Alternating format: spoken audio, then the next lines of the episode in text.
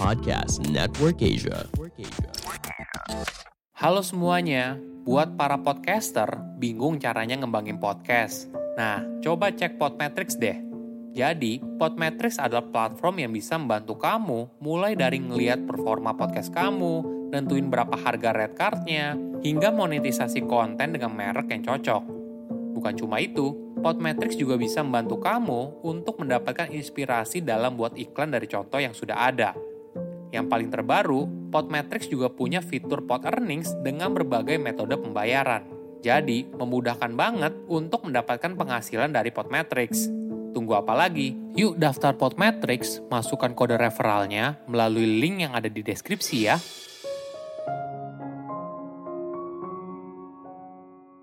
Pertanyaan yang tepat akan memberikan jawaban yang tepat.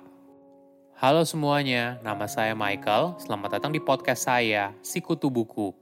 Kali ini saya akan bahas buku Good Leaders Ask Great Questions karya John C. Maxwell. Sebelum kita mulai, buat kalian yang mau support podcast ini agar terus berkarya, caranya gampang banget. Kalian cukup klik follow. Dukungan kalian membantu banget supaya kita bisa rutin posting dan bersama-sama belajar di podcast ini. Buku ini membahas bagaimana seorang pemimpin yang baik memiliki keahlian untuk bertanya hal yang tepat. Jawaban yang bagus memang penting, tapi yang jauh lebih penting adalah pertanyaan yang tepat. Kamu tidak akan bisa mendapatkan jawaban yang tepat apabila kamu tidak bertanya hal yang tepat.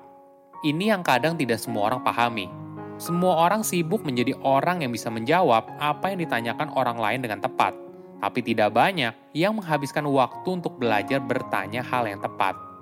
Jika digunakan dengan baik, kemampuan untuk bertanya hal yang tepat bisa membantu kamu dalam mengembangkan sebuah ide, mencari solusi kreatif, hingga membangun sebuah tim yang hebat. Saya merangkumnya menjadi tiga hal penting dari buku ini.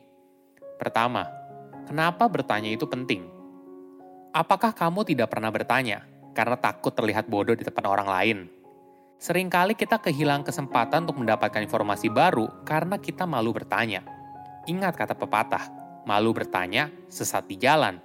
Dalam perjalanan hidup, kita pasti akan menemukan banyak pintu. Di baliknya, ada berbagai kemungkinan yang membawa kita ke berbagai hal, mulai dari peluang, pengalaman, atau teman baru. Tapi pintu tersebut hanya bisa dibuka melalui pertanyaan. Sebagai contoh, John sempat memiliki kesempatan untuk mewawancarai mantan Menteri Sekretaris Amerika Serikat bernama Condoleezza Rice di Stanford University. Saat itu, ada 150 ribu penonton dan John berusaha mempersiapkan dirinya dengan baik agar bisa mengajukan pertanyaan yang tepat.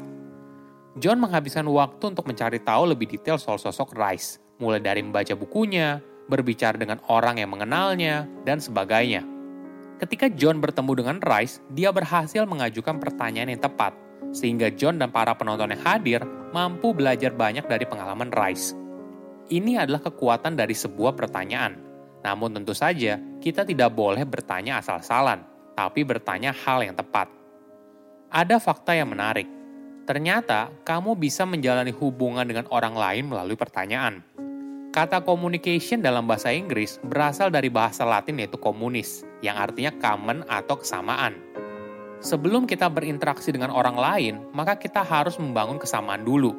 Semakin banyak kesamaan yang kita miliki, maka hal ini akan membantu kita saat menjalin dan berkomunikasi dengan orang tersebut. Pernah nggak ketika kita bertemu orang baru, tapi rasanya kayak sudah temenan lama? Hal ini mungkin saja disebabkan banyaknya kesamaan yang kalian miliki, sehingga hal ini menciptakan hubungan emosional yang baik. Melalui pertanyaan, kita juga bisa mengenal seseorang dengan lebih baik. Contohnya begini, setiap kali John bertemu dengan seseorang, dia selalu meluangkan waktu untuk menyusun daftar pertanyaan yang ingin dia tanyakan. John ingin membuat orang tersebut merasa kalau dirinya sangat menghargai pertemuan mereka, Pertanyaan yang tepat bisa menjadi sebuah gestur kalau kamu tertarik dengan lawan bicara tersebut. Hal inilah yang membantu kamu untuk menjalin hubungan dengan orang lain.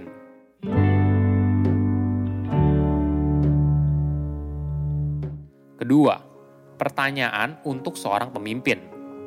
Di awal karirnya, John juga seperti kebanyakan orang. Dia terlalu bersemangat dan selalu terburu-buru. Saat itu, dirinya jarang bertanya, hingga akhirnya dia banyak melakukan kesalahan. Perilakunya berubah saat keputusan yang salah ternyata berdampak pada beberapa anggota tim yang ada di dalam sebuah organisasi. Inilah momen yang buat John sadar ketika seorang pemimpin buat kesalahan, maka hal ini tidak hanya berdampak bagi dirinya seorang, tapi juga orang yang ada di sekitarnya. Kejadian ini menyadarkan John kalau menjadi seorang pemimpin artinya kamu mempertimbangkan orang lain duluan sebelum dirimu sendiri. Sejak momen itu, John mulai bertanya pada dirinya sendiri agar bisa menjadi pemimpin yang lebih baik. Apakah saya berinvestasi pada diri saya sendiri? Ini adalah pertanyaan untuk pengembangan diri seorang pemimpin.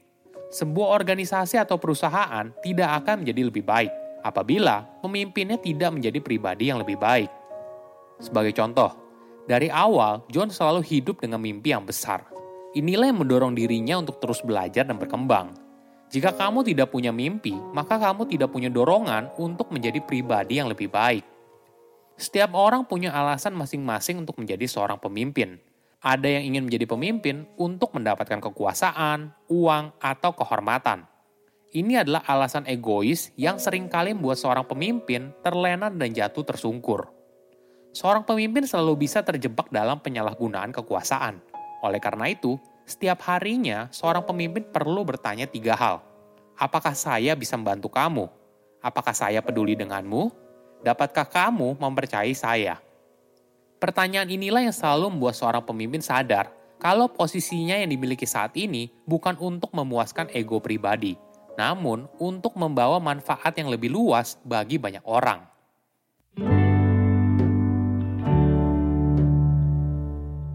Ketiga, pertanyaan untuk anggota tim.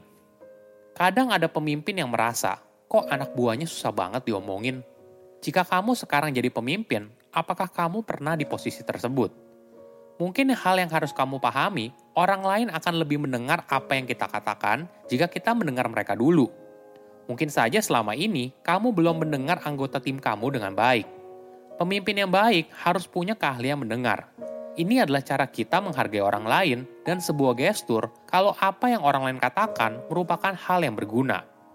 Pemimpin yang baik bukan hanya punya keahlian mendengar, tapi juga bisa bertanya hal yang tepat. Pertanyaan yang paling sering ditanyakan oleh John kepada anggota timnya seperti ini. Menurut kamu gimana? Setiap orang adalah individu yang punya kompetensi di bidangnya.